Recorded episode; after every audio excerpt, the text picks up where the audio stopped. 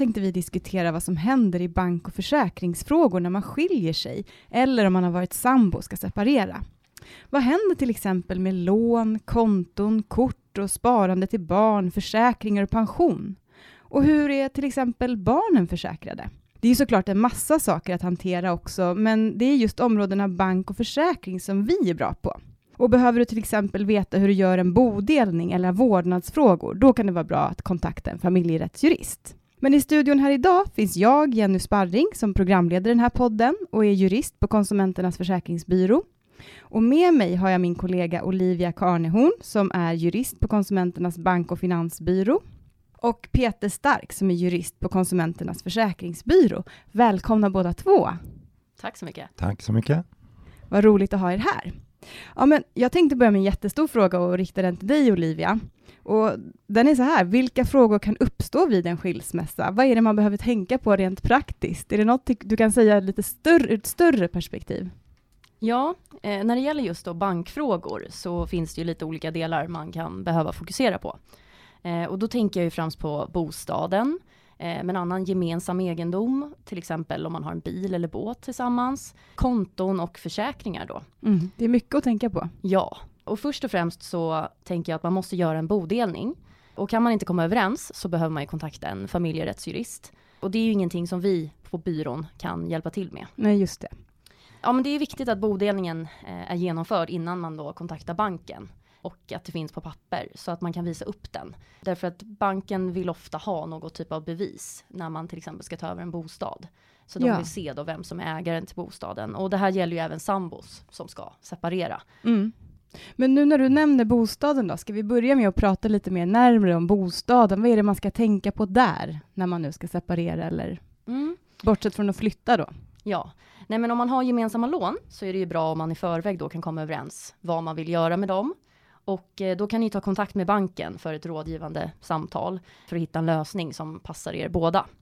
Alltså banken säger ju inte automatiskt upp bolån vid en separation. Det är, det är många som undrar. Men, men så är det inte, utan en separation är inte grund för uppsägning från, från bankens sida. Nej, okej. Så det kan vara bra att känna till. Hur gör man då med bolåden vid en separation? Ja, nej men jag brukar tänka att det finns egentligen tre alternativ när det gäller bostaden och eh, ja, hur ni kan då gå tillväga med bolånen vid en separation. Eh, ja, nej men första alternativet är ju att ni, ni fortsätter att stå på lånen gemensamt fram till dess att ni säljer bostaden. Och det är ju ett alternativ när ingen av er då har möjlighet att ta över hela lånet själv. Mm. Eh, och då fortsätter ju bolåneavtalet att ja, löpa på som vanligt. Sen har vi alternativ två och det är att en av er då tar över hela bolånet. Eh, Mm. och då måste ni kontakta er bank för att få deras godkännande. Där gör ju bankerna en individuell prövning i varje enskilt fall. Mm. Eh, men banken kan ju behöva göra en ny kreditprövning.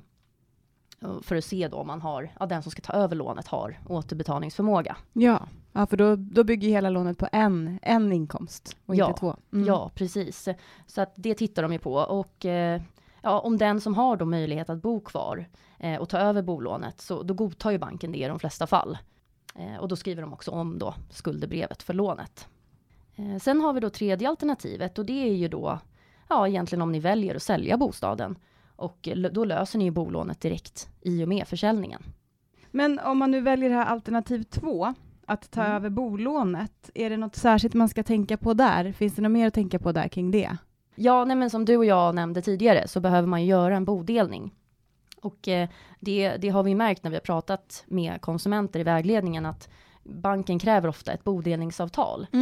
Eh, och det är ju just för att få se vem som har tilldelats bostaden i bodelningen. Och det är ju då för att ja, man ska kunna få ta över lånet. Ja. Så att banken har ofta ett krav på det. ja, det räcker inte med en muntlig, en muntligt besked om att jag kommer ta över huset. Nej, precis. Det, det brukar de inte gå med på. Nej.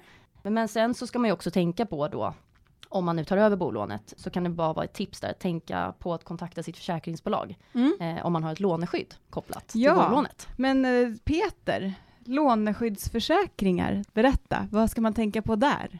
Ja, då ska man nog tänka på först eh, nu när ni säger det här att, man, att det redan finns en låneskyddsförsäkring.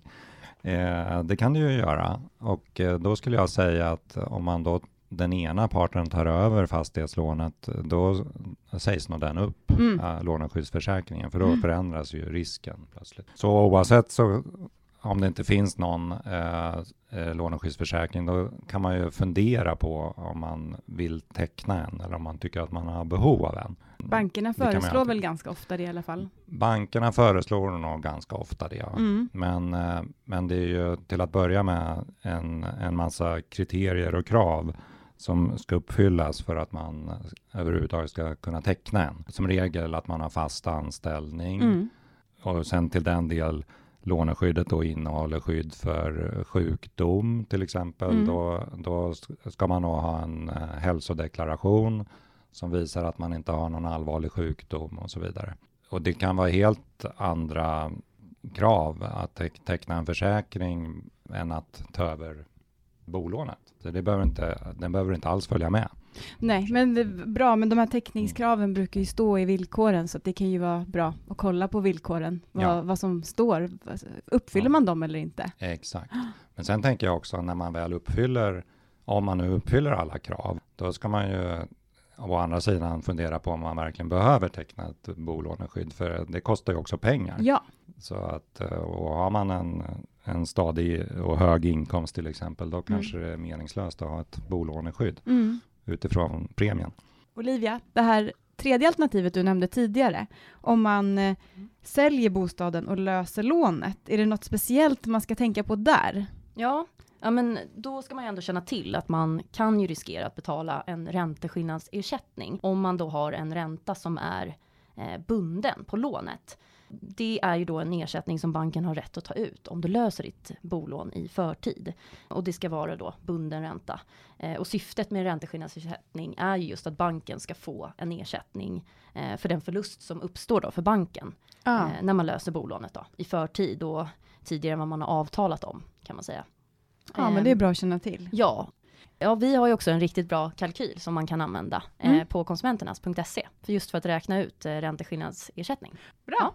Men om jag nu har eh, tagit över lånet och ska betala bostaden, då är, Mm. finns ju det här med amortering. Är det någonting speciellt att tänka på där? Just det. Ja, men det är många som, som undrar om. Och, ja, men man kan tänka så att om du bara tar över lånet eh, och inte utökar det, då gäller ju samma villkor som förut. Så har du till exempel, ja, eller har ni amorterat 2% innan, ja men då, då ska ni fortsätta, eller du Mm. fortsätter amortera 2% Men det, det finns ju något som kallas för det skärpta amorteringskravet då, som kom för ett tag sedan. Och, och det innebär ju helt enkelt att eh, har du ett bolån som är större än 4,5 gånger eh, din bruttoinkomst, eh, då, då måste du amortera ytterligare 1% på lånet. Så det styrs då alltså av din inkomst, det skärpta amorteringskravet. Och det här gäller då lån som man tog efter 1 mars 2018. Och då är banken faktiskt skyldig att eh, beräkna en ny skuldkvot som baseras då på din inkomst och ja, egentligen räkna ut då amorteringsbeloppet utifrån den av er då som tar över bolånet. Och det är de tvungna att göra när bolånet egentligen får en ändring av antal låntagare. Mm. Så det, det kan ju ändras, absolut. Ja, ja, men det är bra att känna till. Ja, men sen ska man ju känna till också att vid en separation så har ju banken möjlighet att bevilja undantag från amorteringskraven eh, under en begränsad period. Mm. Eh, så att om du får lite svårt ja, men att få det att gå ihop så, Mm. så kan ju banken bevilja amorteringsfrihet då, då, under en viss period. Men bankerna kan ha lite olika rutiner för de här situationerna. Mm. Eh, men ja, vänd dig till banken för ett samtal och, och se om det är möjligt. Är det vanligare de här tiderna, nu tuffa ekonomiska tider? Ja, jo men När vi den- får ju fler frågor också Ja. om det, eh, just om amorteringsfrihet. Mm. Så att det, det är nog, jag känner inte till statistiken där, men det är nog fler som, som ansöker om amorteringsfrihet, absolut. Ja. Och, och som sagt, separation och skilsmässa kan vara eh, ett sånt skäl där man kan ha rätt till det under en begränsad period. Om det här med, lå- med själva betalningen av lånet nu när man separerar, eh, vad, vad ska man tänka där? Finns det det. något praktiskt att tänka på där? Ja, ni kanske har ett autogiro eller en stående överföring för att betala på lånet då. Och då bör ni se över de betalningarna och även meddela banken hur ni vill ha det framöver. Mm. Och vem det är som ska betala lånet. Så det kan vara bra att tänka på. Och det gäller ju faktiskt inte bara lånet, det kan ju vara mycket Nej. som ligger på autogiro som ska förändras Precis. efter en separation. Ja, precis. Så att se över andra autogiron som ni har och andra räkningar som ni betalar via då autogiro och e-faktura. Eh, det kan ju vara bra att säga upp och, och, och även uppdatera betalningsmottagarna då, företagen, eh, med lite nya uppgifter. Så Mm. det är ju någonting som många glömmer, men ja, det kan vara bra att känna till. Med boendeförsäkring då Peter, vad är det Ja. något man ska tänka på där när man separerar? Jo, det, det är viktigt att man, eh, om man till exempel är den som bor kvar i det gemensamma boendet, så ska man ju teckna en egen hemförsäkring och en villa eller eh, bostadsrättsförsäkring om det är ett sådant boende. Men jag tänker ibland är det ju också så att man kanske bor kvar men inte äger villan eller bostadsrätten. Det gör fortfarande den andra. Ja. Eh, Då är det ju så att eh, det är bara ägaren av eh, bostadsrätten eller villan som kan försäkra bostaden. Så då måste man dela upp försäkringen Mm. och ha en egen hemförsäkring och den andra parten får behålla en villaförsäkring eller bostadsrättsförsäkring. Viktigt. Viktigt. Mm. Så man, det, det är viktigt att man kontaktar försäkringsbolaget när man separerar eller händer någonting i Absolut. hushållet. Ja. Absolut. ja, men det här var ju bostaden. Men vad gäller kring bankkonton då, Olivia? Nej men om ni har haft gemensam ekonomi med gemensamma konton så finns det lite att tänka på. Eh, vissa banker kräver ju att ni kommer in tillsammans och avslutar eh, kontot. Medan andra banker då godtar att ni kommer in eh, var för sig och avslutar ett konto. Men, men det kan ju se lite olika ut. Så att där, vad som gäller för just era konton, eh, det, det är bäst att ni kollar med banken och, Mm. och kontaktar banken för att se vad som gäller för just er. Eh, och sen finns det ju också fullmakter tänker jag, om, om ni har haft fullmakt för den andra i banken. Ja. Ehm, Då är ju det också viktigt att ni meddelar banken Mm. eh, och återkallar de här fullmakterna. Och allt det här är ju bra att lösa i, i samband med separationen. Mm. Eh, Det är ju lättare att göra det direkt än, Ja. än att vänta. När det gäller försäkringen igen då Peter, en del kan ju vara försäkrade i sin partners försäkring. Ja, det är ju väldigt vanligt att man, man via sitt jobb eller eh, eh, sin fackförening har en medlemsförsäkring där den då är medförsäkrad. Så, så är man då en medförsäkrad partner, då, då ska man ju veta att eh, den i huvudsak i som huvudregel sägs upp helt Mm. enkelt. Om Man som medförsäkrad eh, åker ur försäkringen om man separerar Ja. eller när man separerar. Det brukar vara tre månaders eftersläpning, att den Ja. gäller ändå i tre månader efter separationen. Så då, vad gör man då? då? Om man Ja, eh, hamnar... Om man, Då kan man teckna en ny gruppförsäkring via sitt eget jobb till exempel, eller fackförening, eller titta på en individuell försäkring och teckna helt privat sjuk och olycksfallsförsäkring. Precis, där har ju vi bra jämförelser i sådana har vi. fall. Om man skulle vilja behöva teckna en privat kan man ju göra det och Exakt. använda sig av våra jämförelser. Mm. Hur blir det med livförsäkringar efter en separation? Där är det ju också på, lik, på ett liknande sätt att man ofta tecknar på varandras liv, att man Mm. har eh, varandra som förmånstagare. Alltså det är livförsäkring, det är, det är ju försäkring som eh, lämnar ersättning om någon avlider till Ja. den andra. Precis, Mm. precis. Och då har de eh, olika regler med förmånstagare och förordnande i avtalet så att säga. I, och är det då ett generellt förmånstagarsförordnande, då är, då är praxis att förmånstagaren då är make, maka eller sambo i första hand och därefter övriga arvingar. Men eh, normalt upphör då ett sådant förordnande till maken eller makan att gälla vid skilsmässa Mm. eller separation, om det inte står något annat i det här förordnandet. Och eh, detsamma gäller när samboskapet upphör. Men du måste ta reda på då vad som gäller i, i din försäkring, Ja. för det kan finnas andra varianter. Och sen, om, sen kan det ju också stå, vara så att eh, förmånstagaren är namngiven, Ja, att det inte är ett generellt förmånstagarförordnande. Då står den namngivna personen oftast kvar som förmånstagare mm. Oavsett skilsmässa eller separation och det kanske man inte är så pigg på ha eller kvar nej. vill nej. ha kvar Mm. liksom, och betala för det. Eh, Men då måste man aktivt kontakta sitt försäkringsbolag och ändra i förmånstagarens förordnande, plocka bort till exempel den exmaken. Mm, får jag flika in där? Ja, Ja, men jag tänker det där är ju jätteviktigt att verkligen ha koll på ifall det står då maka, maka eller sambo. Eh, om man då inte har, ja, men har gjort en bodelning tänker jag också att, och inte har genomfört en, en skilsmässa rent juridiskt sett. För då, då kan det ju vara att man kanske har separerat men inte genomfört själva skil, skilsmässan. nej. Ehm, och sen så om någon går bort, ja nej, men då är det ju fortfarande, då är det ju make eller maka eller sambo som står Mm. kvar. Så att eh, det är ju jätteviktigt. Mm. Tjänstepension då? Vad händer med den vid en separation? Då kan det vara bra att se över om du behöver ett återbetalningsskydd din tjänstepension eller inte. Och det, om du redan har ett sådant återbetalningsskydd vid eh, skilsmässa eller separation, då bör du se efter vilka som är förmånstagare, eventuellt anmäla en ändring. Lite på samma på, sätt på som livförsäkringar. Ja. Och du kan då ändra i vilken ordning din familj får pengarna också.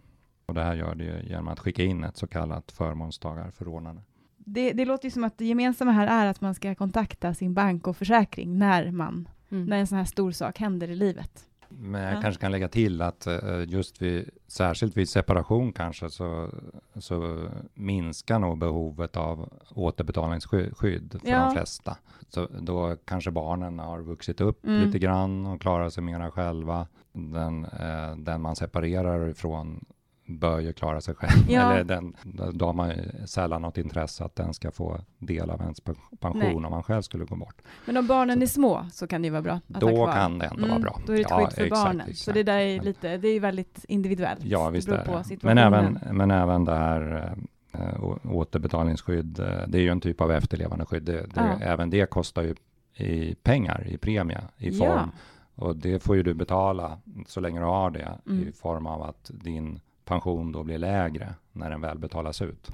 Och där har vi ett n- unikt verktyg på konsumenternas.se Det där man har kan räkna på vad efterlevandeskyddet kostar. Exakt. kan man jämföra med vad en livförsäkring kostar? För det kommer vi snart komma med en sån jämförelse av livförsäkringar. Precis, Mm. precis.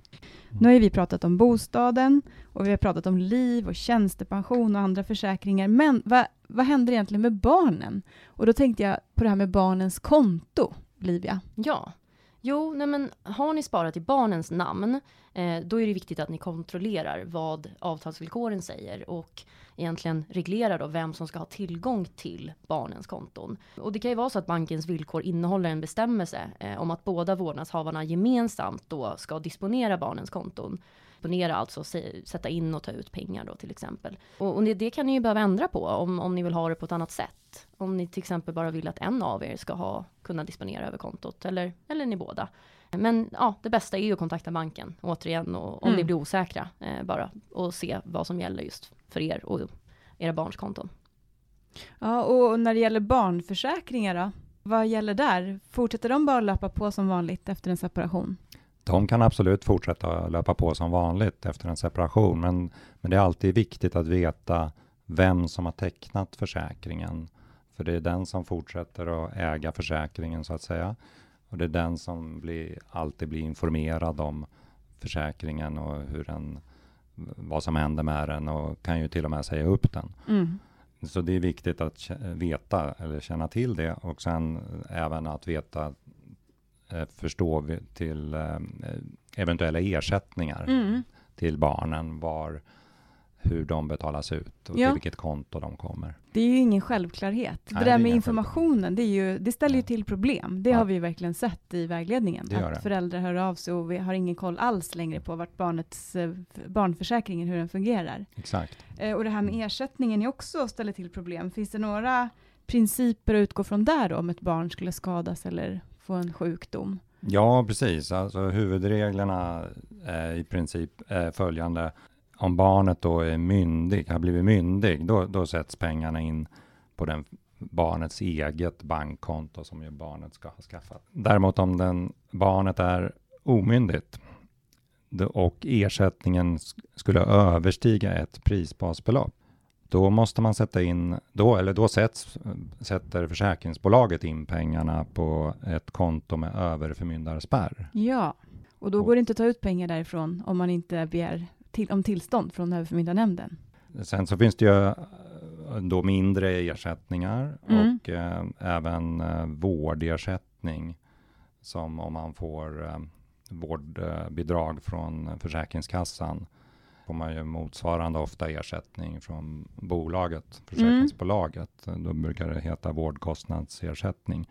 Och, och då, då brukar det samköras med att, eh, att den som får vårdbidraget från Försäkringskassan Ah. också får de, de här motsvarande från försäkringsbolaget. Så där, där- bo, bör det inte uppstå problem. Nej, okej, det blir Mm. samma konto. Men Ja. de här övriga mindre ersättningarna som du nämnde, Ja, precis. Eh, är det då mindre ersättningar än ett prisbasbelopp, Då betalas det ut till den vårdnadshavare som är folkbokförd på samma ställe Som, som barnet. barnet. Ah.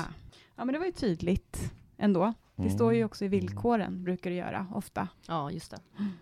Men det här med att det blir, uppstår problem med informationen som du inledningsvis, inledningsvis nämnde, hur ska man lösa det då? Att man inte får reda på vad som gäller om barnets försäkring, om man nu är förälder som inte kanske där barnet bor eller.